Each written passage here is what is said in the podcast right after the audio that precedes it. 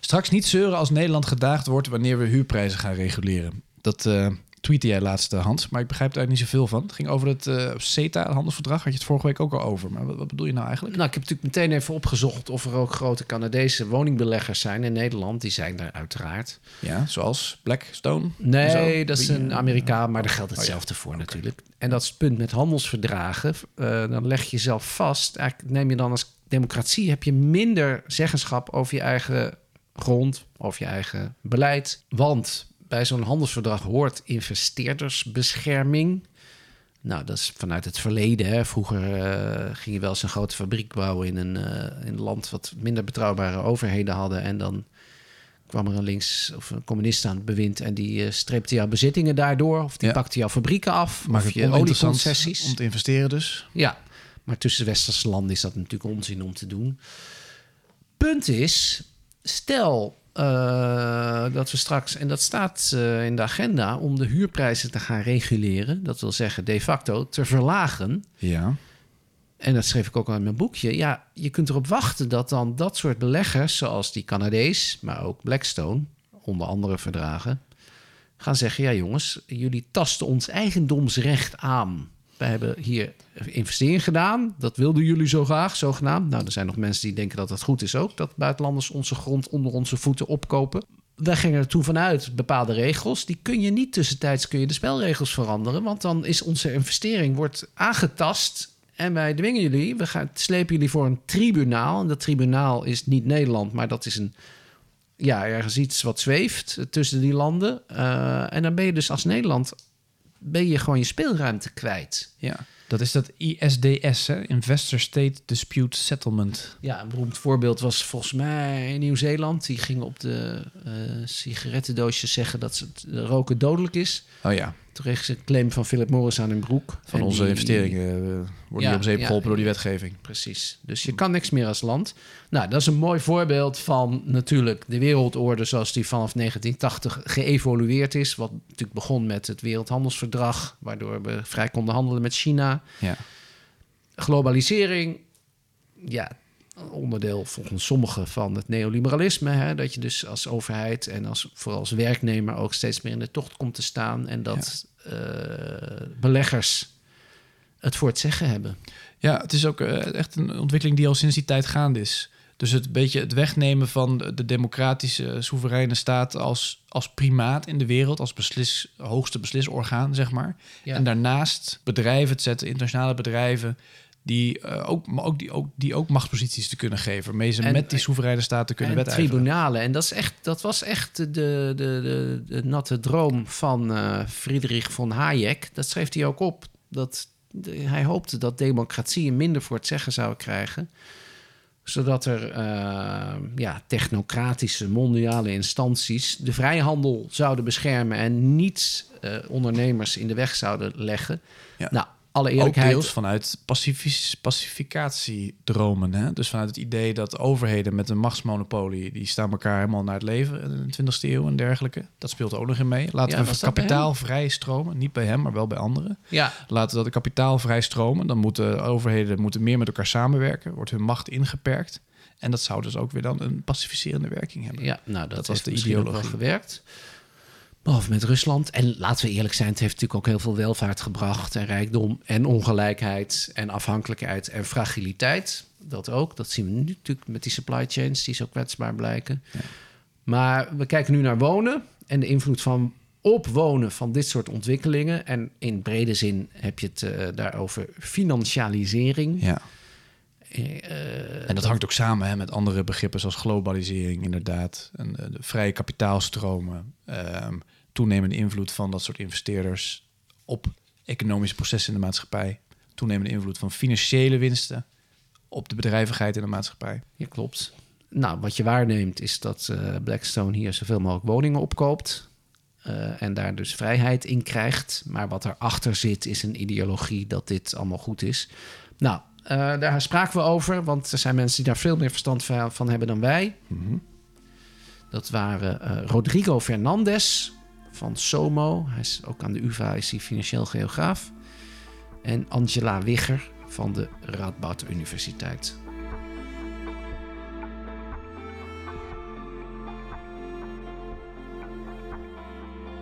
Eh, Rodrigo, jij vertelde vooraf al even, je bent met name met dit onderwerp ook bezig, financialisering en dan in internationaal perspectief van de woningmarkt. Wat is eigenlijk financialisering? Behalve dat er veel financiering bij komt kijken. Dat lijkt het te impliceren. Maar het is denk ik iets meer omvattend, hè?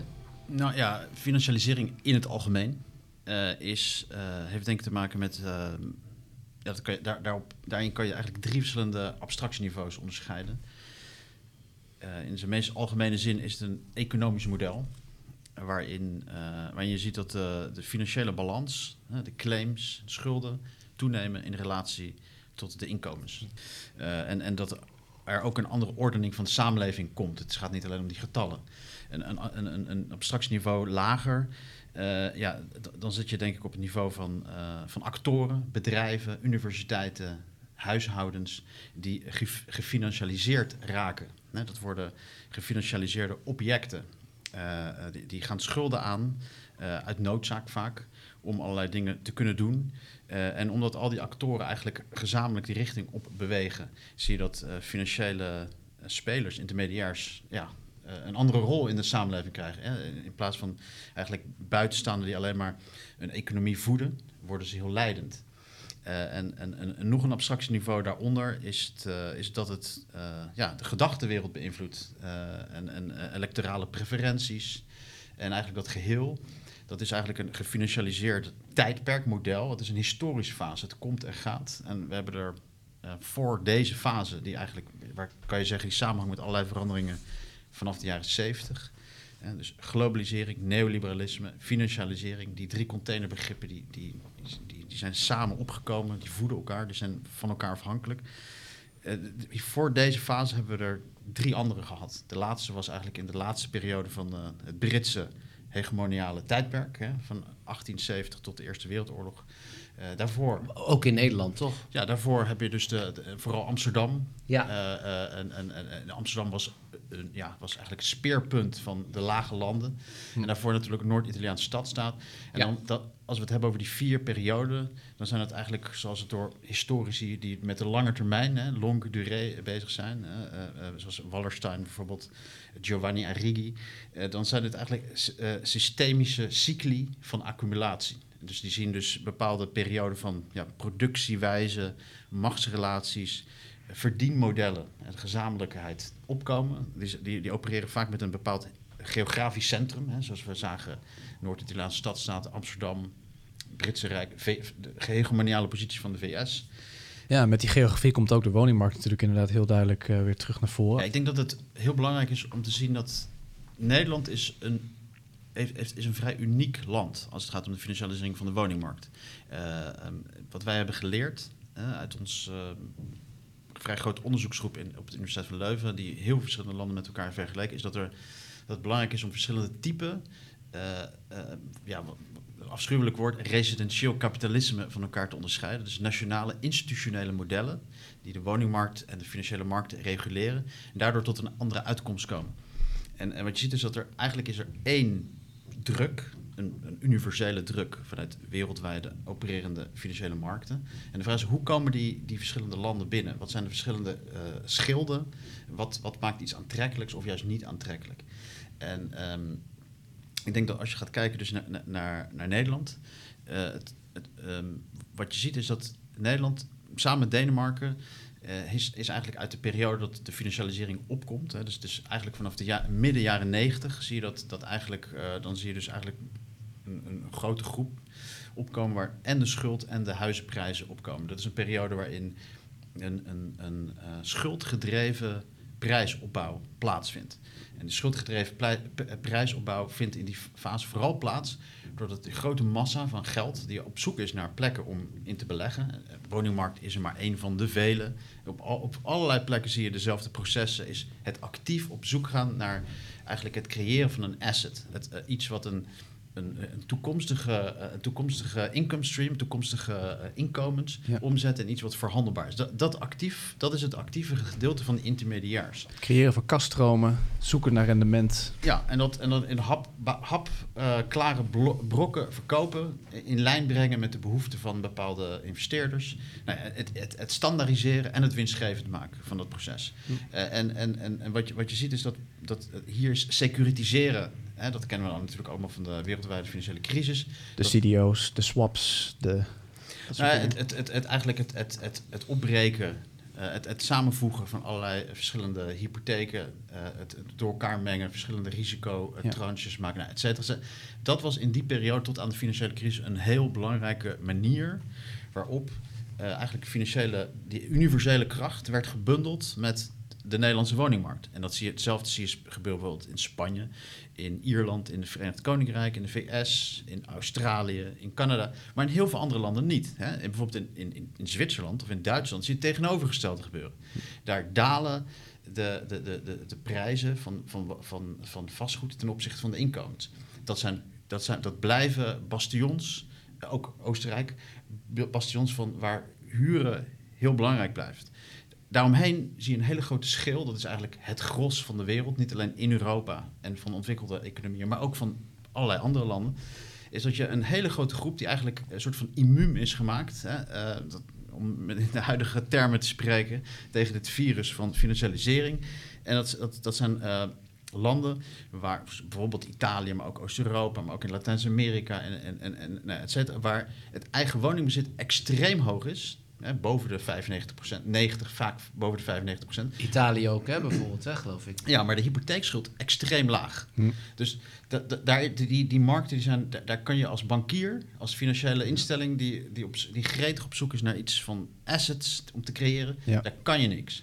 Eh, En is dat omdat het dan toch in de gezinssituatie overgaat? Dus dan maakt het niet uit of het eh, wat voor waarde eraan Ja, hangt. Het is ja. gewoon het huis wat het is, zoiets. Het- ja, dat zijn hele complexe eh, markten. En we- eigenlijk, dat, die, die hebben ook een eigen probleem. Hè. Het is inderdaad vooral familiebezit. Ja. Eh, mensen zitten vast. Kwaliteit is laag. Het is zeker geen eh, gezonde of goede situatie. het is niet vermarktbaar. Ja, dus, dus eh, waar het om gaat is dat je hebt verschillende institutionele eigenschappen van een land. Die creëren verschillende mogelijkheden voor intermediairs om dus een, een, een, ja, een markt vol te pompen met schuld. Ja.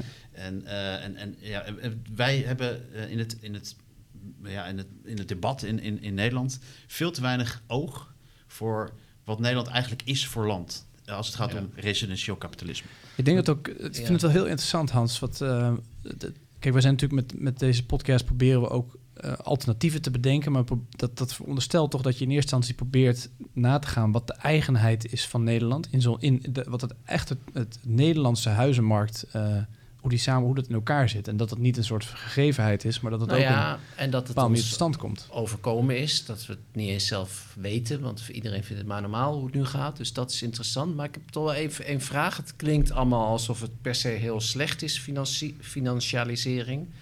Is dat het ook? Of zitten daar ook wel goede kanten aan? En was het misschien wel de redding voor het doodlopen van de gouden jaren van het kapitalisme van de jaren zeventig? Is dit iets wat. Er moest toch iets nieuws komen en is dit toch relatief wel goed? Want een van de dingen die ik zeg in mijn boekje, ja, je kan altijd zeggen private schulden zijn slecht, slecht, slecht. Maar het is wel een bron geweest van heel veel nieuw geld, wat uiteindelijk die echte economie misschien ook weer heeft aangejaagd. Het, eh, het kan misschien temporair eh, overaccumulatie stabiliseren door een nieuw outlet te bieden voor eh, kapitaal om nou ja, een rendement te vinden. Maar de vraag is hoeveel schulden wij als maatschappij kunnen absorberen. Dus Nederland is na Denemarken dus het oezelland met de hoogste particuliere schuld. En eh, als we even teruggaan, sinds 2008 is wereldwijd heeft eh, de schuld met 40% toegenomen, de geaggregeerde schuld. Dus dan kijken we naar de staatsschuld, Ja. eh, schuld van bedrijven, maar ook van huishoudingen. En wanneer wordt nou ja, het schuldenaccumulatieregime een probleem? Dat is als het uit de pas loopt met de reële accumulatie in de reële economie. Dus ja, we, we zien dus het rentierskapitalisme toenemen. Um, en uh, een van mijn meest favoriete citaten van uh, de vriendelijke meneer met, uh, met de Bart, Karl Marx, um, is dat er in de geschiedenis, in de moderne samenleving, telkens weer fases komen waar iedereen gegrepen wordt door een rage om geld te verdienen, winst te maken zonder te produceren. En dat is precies waar we ons nu in bevinden. En dat is niet alleen maar um, renteneren in het kader van investeren in een huizenmarkt, in, in de huurmarkt. of in financiële producten. Het, het gaat veel verder dan dat. Er zijn verschillende vormen van rentierisme hmm. te zien. Maar wat essentieel hierbij is, is uh, het is een ongelijkheidsmachinerie. Uh, schuld, toegang tot schuld, is, is ook een, uh, een, een klasse. Ehm, fenomeen. Om, hm. om even voor mezelf te nemen. toegang ik, tot financiering eigenlijk. Ja, ja, dus niet iedereen heeft toegang tot, tot die schulden om dat weer te kunnen omzetten. Maar je zou denken, als je schulden maakt, word je juist armer. Maar juist hoe, hoe rijker mensen zijn, hoe hoger de schulden vaak zijn ook. Hè? Ik was verbaasd toen ik uh, zeg maar mijn huis in Amsterdam-Noord uh, kocht. En dat heb ik niet bij een bank gekocht. Dat heb ik bij uh, munthypotheken gedaan. Wat een niet-bankaire instelling is. Hm. gefinancierd door mijn eigen pensioenfonds, Juist. Ja. dus dat maakt de cirkel ook weer ja. rond. En ik, ik had nog een duurder huis kunnen kopen eigenlijk. Dus ik heb toegang toch nog meer schuld. Voor heel gunstige voorwaarden. Dus die makkelijke toegang tot, tot schuld, lage rente dus uh, dat is een klassenverhaal. En dat mo mogen we niet uit het uh, oog verliezen. Dus uh, dat. Um, in Nederland heb je steeds meer mensen die tussen wal en schip komen. enerzijds geen toegang tot een hypotheek, omdat ze een flexibel arbeidscontract hebben. Dus 40% van de Nederlandse werknemers heeft een flexibel arbeidscontract. Uh, en die verdienen 35% minder gemiddeld dan mensen met een vast contract. Dat uh, is heel belangrijk. Uh, en tegelijkertijd zijn het ook vaak mensen die niet in aanmerking komen voor sociale woningbouw, die inmiddels steeds meer uitgehold is, geresidualiseerd tot echt precaire groepen. En die zijn dan gedwongen om op de, nou ja, de, de particuliere huurmarkt de, de woekerrentes, woekerhuren te betalen. Ja. En, en, en, die ongelijkheidsmachinerie, ik bedoel, je, je noemde net uh, San Francisco. Um, nou, ik ben net door uh, de VS uh, gefietst. Een, een stad zoals Phoenix, 100 kilometer lang. Um, die heeft op die 100 kilometer echt een hele skid row van tenten. Allemaal jonge mensen die Jezus. geen toegang hebben tot, tot een appartement, die het niet hm. kunnen betalen, die, hm. die het zijn niet alleen maar jonge mensen, het zijn ook vaak mensen met problemen, maar ook een heel groot aandeel aan nou ja, 20-jarigen, 20 tot 25-jarigen die uh, eigenlijk in een tent wonen. En dat, dat is wel waar, uh, dus naast die homogenisering van de samenleving in een stad, zul je de, de, de, verschillen steeds meer zien. Ik bedoel, we hebben in Nederland de afgelopen vijf jaar het aantal daklozen zien verdubbelen. Of nog meer. Dus als het hangt wel af van welke cijfers dat je volgt. Ja. Dus dat, dat is wel... Om dat even con concreet te pakken, hè? want de neiging is dan... nou, dan moeten we uh, huizen voor die mensen bouwen. Maar goed, huistekort was er vijf en tien jaar geleden ook al. Dus dat is niet wat er nieuw is volgens mij. Het is een kwestie van verdeling, toch? Want waarom zijn die daklozen? Is, is, hoe link jij dakloosheid aan financialisering? Leg dat nog eens goed uit. Nou ja, niet iedereen is, uh, is interessant in een gefinancialiseerd systeem. Hm. Uh, eigenlijk is een gefinancialiseerd systeem alleen maar interessant voor een steeds kleinere club van bedrijven, instellingen, mensen. En uh, een heel groot gedeelte die is daarin ja, niet productief, tussen twee aanhalingstekens, voor het gefinancialiseerde systeem. zodra jij dan wel niet uh, gereduceerd kan worden tot een toekomstige inkomensstroom, uh, kaststroom, of, of, of, gereduceerd kan worden tot een asset, of een consument daarvan, ja. Uh, dan heb je daar niks te zoeken. Ze zijn niet kredietwaardig genoeg. Ja, en, uh, ik, en ik denk dat, dat we niet genoeg realiseren hoe kort geleden dingen anders georganiseerd waren in Nederland. op een radicaal andere manier anders georganiseerd waren. Ik denk dat vrij duidelijk is dat dat bijvoorbeeld het ABP was. Die, die, eh, eh, die als onderdeel van, het, van, van, eh, van eigenlijk een spaarpot van, van het ministerie van Financiën fungeerde. Hm. Het- we zien dat, dat woningcorporaties een veel duidelijkere taak hadden, veel, veel duidelijker werden aangestuurd vanuit het Rijk. Nederland is niet voor niets, heeft een hele rijke traditie aan planning, vergelijking met België. Nou ja, de verschillen zijn duidelijk. Eh, al dat is kapot gemaakt. En het is niet meer dan alleen maar een naampje van Vrom wat verdwenen is. Het, het- de machtsrelatie tussen eh, gemeentes met grond en zonder grond en, en, en corporaties en bouwers is ook helemaal kapot gemaakt. Eh, de- en dus de, waar het om gaat is veel meer die, die ordening, die institutionele kant, dan, dan de economische kant. Die economische kant is, komt, komt helemaal, is, is eigenlijk maar is een, is een, is een resultaat daarvan.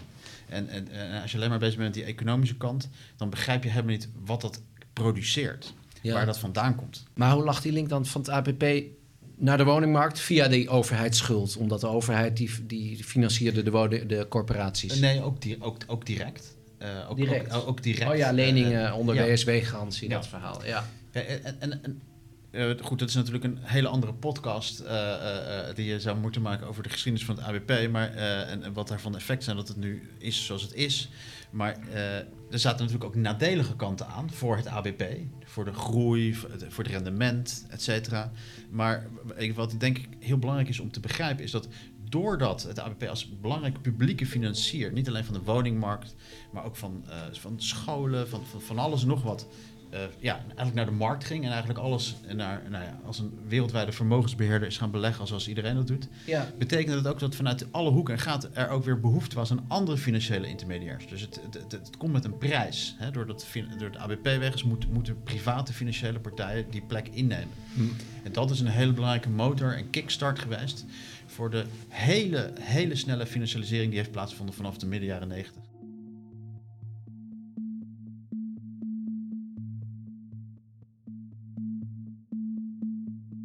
Zijn twee belangrijke vragen. Ik zeg in mijn boekje steeds, we zijn een fuik ingezwommen. Op welke manier je daar nou ook naar kijkt. Het is heel lastig om daar weer uit te komen. Hè? Dus daar graag zo jullie commentaar op.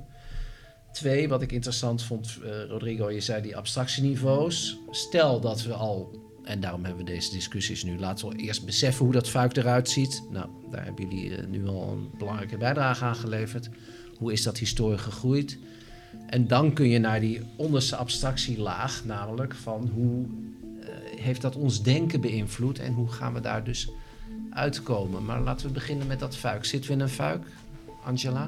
Ja, absoluut. En ik heb vanochtend nog even eh, op de website van eh, eh, het ministerie van Binnenlandse Zaken gekeken. Die hebben een onderdeel Invest in Dutch Housing. Dus eh, je kan ook op YouTube filmpjes kijken van Stef Blok, hoe die in zijn Ja. houthakkers Engels Ja, gewoon grote investeerders probeert aan te trekken. pijnlijk. Ja. En ehm, daar, als je dat, dat, dat boekje, dat is echt na zeg maar dat de huizenprijzen even temporair gedaald zijn, eh, is dat eh, uitgegeven, maar het is nog steeds online. En eh er wordt dus geworven van investeer in nou ja, de hypotheekmarkt in, in Nederland, maar ook in de huurmarkt.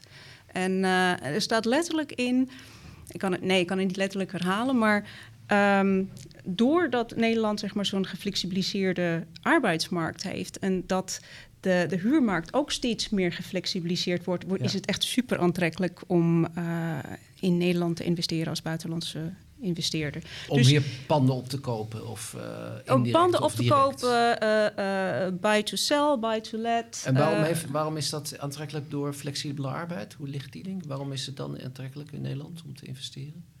Om, omdat je als eh, huizenbezitter zeg maar, makkelijk de huren kan ver, eh, verhogen. Iedere keer Nee, een de flexibel wonen begrijp ik. Maar flexibele arbeid, wat heeft dat ermee te maken? Eh, eh, dan moet je een Stef Blok vragen. Dus dat is mij, niet, dat is is een- mij totaal niet helder. in Eh, geval, ja, ja. inderdaad. Dus eh, het wordt als een, een, zeg maar iets positiefs gepresenteerd. Eh, Ja. en, en ik bedoel, huurders waren nooit in het nadeel. Je kon je huur altijd opzeggen. Dus eh dat was altijd flexibel. Maar nu is het zo dat er, eh, nou ja, de, Ja, en de kijk, verhuurder een sterkere positie heeft. Het is altijd een asymmetrische positie. Ja. Maar die is nog eh, schever geworden dan, eh, dan dat die ervoor was. Ja, het is interessant hoe het uithollen van, van huurdersrecht inderdaad wordt gepresenteerd als, als, als een voordeeltje voor investeerders. Dat, je kan natuurlijk, logisch begrijp je dat wel, waarom dat voor investeerders interessanter is. Maar het is natuurlijk eigenlijk te gênant voor woorden. En als je kijkt op Funda inderdaad, en je kijkt naar de huurcontracten in, op Amsterdam bijvoorbeeld, en je zet het vinkje aan tweejarig of uh, oneindig huurcontract, nou, dan zie je al een enorm groot verschil. Hmm. Volgens mij destijds was inderdaad het idee van, nou ja, die tweejarige huurcontracten, die maximale termijn, dat is een soort beperkt. Dat zal heel beperkt worden ingezet. Maar het is nu volgens mij al de meerderheid van de huurcontracten in Amsterdam worden inderdaad maximaal twee jaar gezet om die flexibiliteit te geven en de huur. Ja, er wordt gezegd iets van 30% bijna, uh, maar we weten het niet. Het, is, het wordt ook niet bijgehouden. Ja, maar ik, ik, ik, denk dat het gaat voorbij aan gênant zijn. Het, is het gaat gewoon om dat er gewoon uh, tegengestelde belangen zijn. Ja. En, en, en, en, ja. het, kijk, een ministerie die moet uiteindelijk een keuze maken. Welke belangen, voor, achter welke belangen ga je staan? Ga je staan achter de belangen van mensen die tot een bepaalde grens kunnen betalen om ergens te kunnen wonen en gezamenlijk met elkaar een interessante stad en onze economie maken en het alles productief houden? Of ga je voor die prijs staan die verder boven ligt, uh, maar die in lijn is met uh, internationale uh, winstverwachtingen, ja. waardoor je internationale investeerders weet aan te trekken. En wat je ziet is dat er toch voor die laatste gekozen wordt. Ja. En, en, en ik denk dat wat, wat, wat je vooral ziet is um, een heel ander gebied. Hè? Hoe, hoe met, ik denk dat, dat, dat de, de, de, de keizer geen kleren heeft. Dat, dat het duidelijk is met, met, met het coronabeleid. Dat, dat uh, ja, op bepaalde plekken denk je van nou, de, de, staat is gewoon, was, heeft hier echt, echt steken laten vallen. Is hier echt te laat. Of heeft, heeft duidelijk dat, dat hier niet het, de staat staat die we van tevoren dachten die we hadden. Mm. Hè? De almachtige staat. en dat, dat we dat op dit, op dit dossier ook zien. dat, dat als niet genoeg belemmeringen worden opgeworpen aan investeerders, buitenlandse investeerders, uh, dan denk ik dat de druk die je al in andere Europese landen en vooral in de VS ziet, hè, van, van, van dat de asset manager capitalism, die eigenlijk als derde fase opkomt hè, en daarmee de prijzen hoog houdt, nog langer, nog dieper, uh, dan gaan we dat over ons heen krijgen. En ik denk dat, het, dat, dat, dat je dan. Dus het kan nog erger, denk je? Ik denk dat het erger en langer kan. Ja. Uh, en um, en, wat gebeurt dan? Huren nog hoger, nog minder eigen woningbezit. Want dat was de belofte, hè? eigen woningbezit zou toenemen. Nou, inmiddels daalt het alweer. Dat is een van de valse beloftes natuurlijk van het liberalisme. Maar... Nou, ik denk dat het, het ergste is dat je voor alle spelers, actoren... die in het verleden een belangrijke rol konden spelen... om, om tot oplossingen te, met oplossingen te komen. Gemeentes, woningbouwcorporaties, uh, huurdersverenigingen... Uh, nou, noem maar op. Dat die nog verder buiten spel worden gezet. Nou ja, sterker, ik zeg in mijn boekje dat gemeentes onder eigenlijk zelf zich als een privaat gedwongen worden om zich als een privaat bedrijf te gedragen. Door bijvoorbeeld de sociale huurders over de gemeentegrenzen douwen, want die geven minder belasting. Daar zitten steuntrekkers. Dus ze gaan eraan meedoen. Het is nog veel erger. Om hun grondposities te beschermen, gaan zij niet pleiten voor lagere prijzen, want dan gaat de gemeente failliet. Nee, nee. Allemaal heel begrijpelijk, gedwongen door het Rijk. Dus het is niet alleen dat ze niet meer meedoen. Uh, ze doen juist wel mee, maar... Op ja, maar ik denk, het, gaat, het gedrag van actoren past zich aan aan de structuur. De structuur is ja. gefinancialiseerd. daar, daar zijn andere prikkels, andere, andere manieren van, van wat zogenaamd slim is. Uh, uh, maar de gevolgen daarvan zijn... En, en ik denk dat het... Ja, voor iedereen die, die, die een woning bezit, ligt er natuurlijk aan wanneer je bent ingestapt. Maar de, de, die weet hoeveel het vermogen toeneemt per, per jaar. Het is, het, het is een absurde... Hè, dat, dat, dat, dat gemiddelde woning zich al, al, al meer oplevert dan, dan een jaarinkomen uh, van een huishouden. Ja. Uh, en, en, en dat, die ongelijkheid die in, in korte relatief korte tijd, 20 jaar, is toegenomen en geïnjecteerd is... en niet alleen in, in jaartallen, generaties, wanneer ben je ingestapt, hoeveel meerwaarde heb je, uh, maar ook geografisch. Hè, leg maar de kaart van, uh, van woningen die langdurig onder water waren sinds de financiële crisis. En wie bijvoorbeeld op de PVV heeft gestemd uh, over elkaar. Nou ja, je zult geen verschillen zien. Dus de, de effecten van, hiervan zijn veel breder ja. dan we ons denk ik kunnen realiseren. Hm. Ja, eigenlijk die, die partijen die je allemaal noemt, die, die schaar ik zelf om tot het maatschappelijk middenveld eigenlijk. En, en die, die hebben eigenlijk geen rol van betekenis meer. Ja, of ze gaan er meedoen. Ja, of ze doen er aan mee, maar dan, dan verlogen ze dus eigenlijk dan de ja. boodschap waarvoor ze in eerste instantie zijn opgericht. Namelijk een belang dienen groter dan alleen maar dat van het uh, meedoen in, in die privatiseringsslag, individualisering. Uh, je komt op voor iets maatschappelijks, je komt op voor een gedeeld belang, je komt op voor een algemeen belang. En Rodrigo, je had het net ook even over misschien dat bruggetje te maken Angela, ik ben ook benieuwd hoe jij er tegenaan kijkt. Maar jij, jij beschreef net ook heel goed, hè, dat juist de ontastbare waarde van zo'n stad, dynamiek, ook eh, eh, plek voor sociale mobiliteit. We spraken net met Maarten eh, van Poelgeest.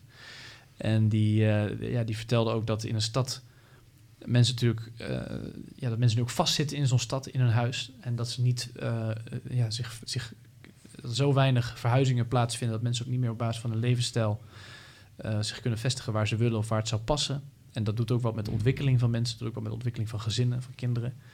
Ehm, maar we lijken ook wel helemaal dat discours, technisch, die woorden, gewoon dat, dat, dat gedeelte, wat het belang daarvan is en dat de waarde daarvan, lijken we helemaal uit het oog te zijn geraakt in die discussie. Die alleen nog maar lijkt te gaan in de huizenmarkt over betaalbaarheid. En ja, het beeld dat wij dan wel eens ophalen in de podcast is die van de GroenLinks jongeren die op de Dam staat. De legendarische foto wat mij betreft met een, met een bord van ik wil een hypotheek. Ja. Ja, dat is, weet je wel, dan is ook geen, alles, lijkt toch? ook politiek, Dat lijkt er een moeilijk, dat zegt ja, alles eigenlijk. Weet hè? je gewoon, eh, Margaret Thatcher, eh, die zei in de jaren tachtig al van... eh, ehm, eh, debtors don't go on strike. Dus eh, je, je, je gaat niet staken, je gaat Ja. eh, geen civiele ongehoorzaamheid of, of überhaupt... je, je, gaat niet politiek actief, misschien wel politiek actief worden, maar eh, eh, schuld disciplineert natuurlijk ook.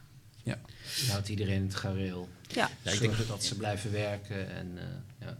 In, in, dit verband is denk ik heel interessant om bijvoorbeeld eh, iemand die ook veel te weinig in een, een, Nederlands debat voorkomt, bijvoorbeeld iemand als eh, Lazzarato, een eh Italiaans eh, filosoof, socioloog, The Making of the Indebted Man, die eigenlijk denk ik juist echt een achtergrond creëert van hoe, hoe een persoon in deze samenleving wordt gemaakt tot precies zo iemand die eh, eh, schulden eh, en, en eigenlijk de, de, ja, de onderdanigheid die daarbij komt kijken. Hè. Je, je, gaat een machtsrelatie aan met iemand anders.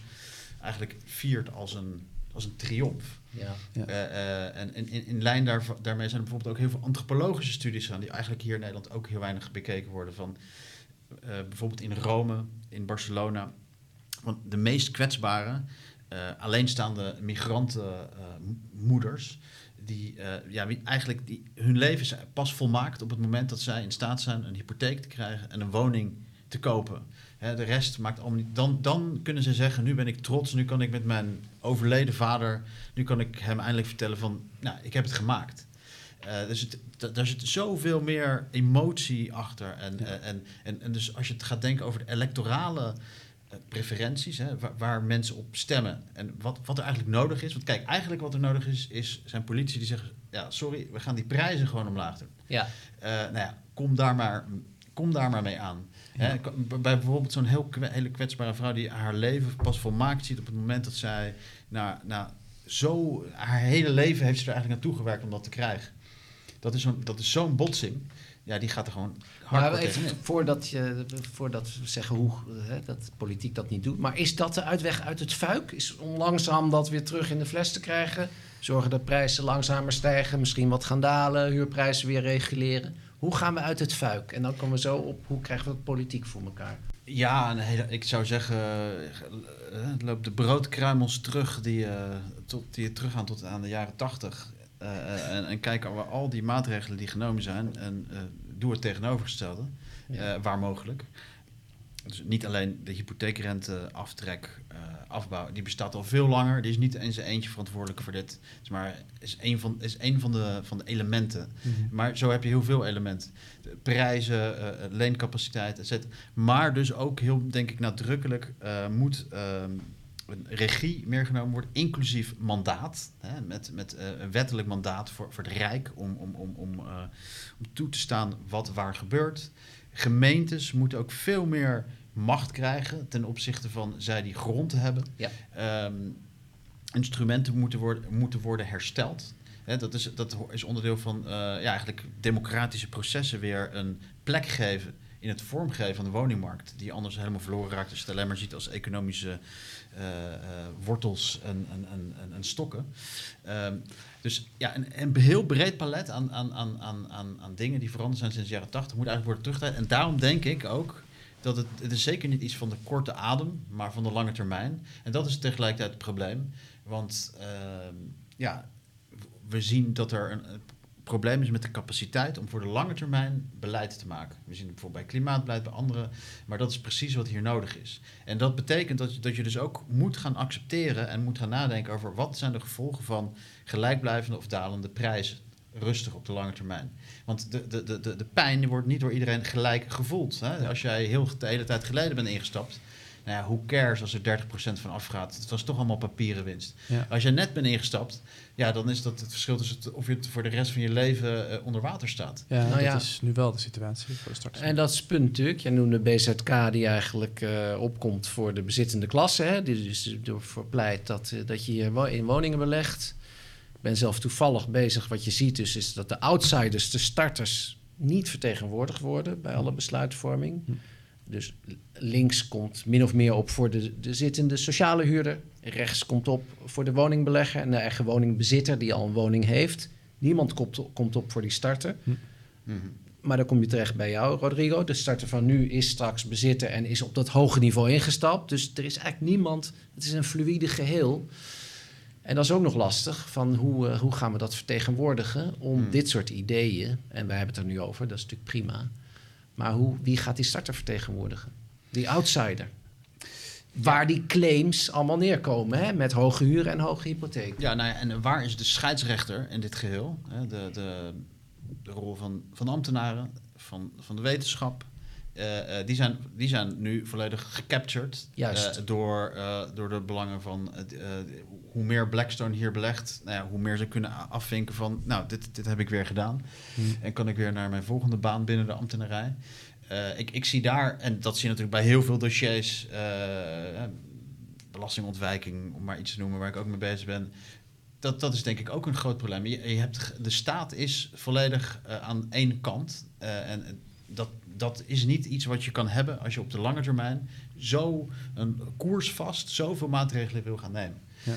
Ehm, en dat maakt het er niet vrolijker op. En eh, de- ik weet niet of dit een richting van een oplossing is, maar in ieder geval dat als probleem aankaarten is misschien ook wel een eerste stap. Nee, maar daar zijn we nu mee bezig. Ja, want ik denk dat eh, op dit moment zo- eh, dreigt het eerder erger te worden dan een goede richting op te gaan. Ik zou zelf zeggen, we hebben nu de, de barbarians at the gate. Blackstone, gewoon in currency, belastingparadijs, kan het nog, obligaties uitgeven eh, tegen onder de eh, half procent. Eh, het loopt via Luxemburg, een, een waaier aan brievenbussen. Hier in Nederland gaat het never nooit belasting betalen. De- ze, kunnen, ze, hebben, ze hebben dry powder, zeg maar, gewoon geld op de plank liggen in de miljarden. Ja, dat is, dat is, dat is de, dat die belegger, die staat al eh, kwijlend om maar te kijken naar het pandjes hier in Amsterdam. Hoe kan, hoe kan dat nou ooit een eerlijke concurrentie zijn met, eh, met starters? Dat, dat, dat is de barbarian at the gate. En eh, waar ambtenaren en de VVD mee bezig is, is om die binnen te laten. Nou, als je die loslaat in de, de woningmarkt, dan, eh, ja, dan wordt het eerder slechter dan beter.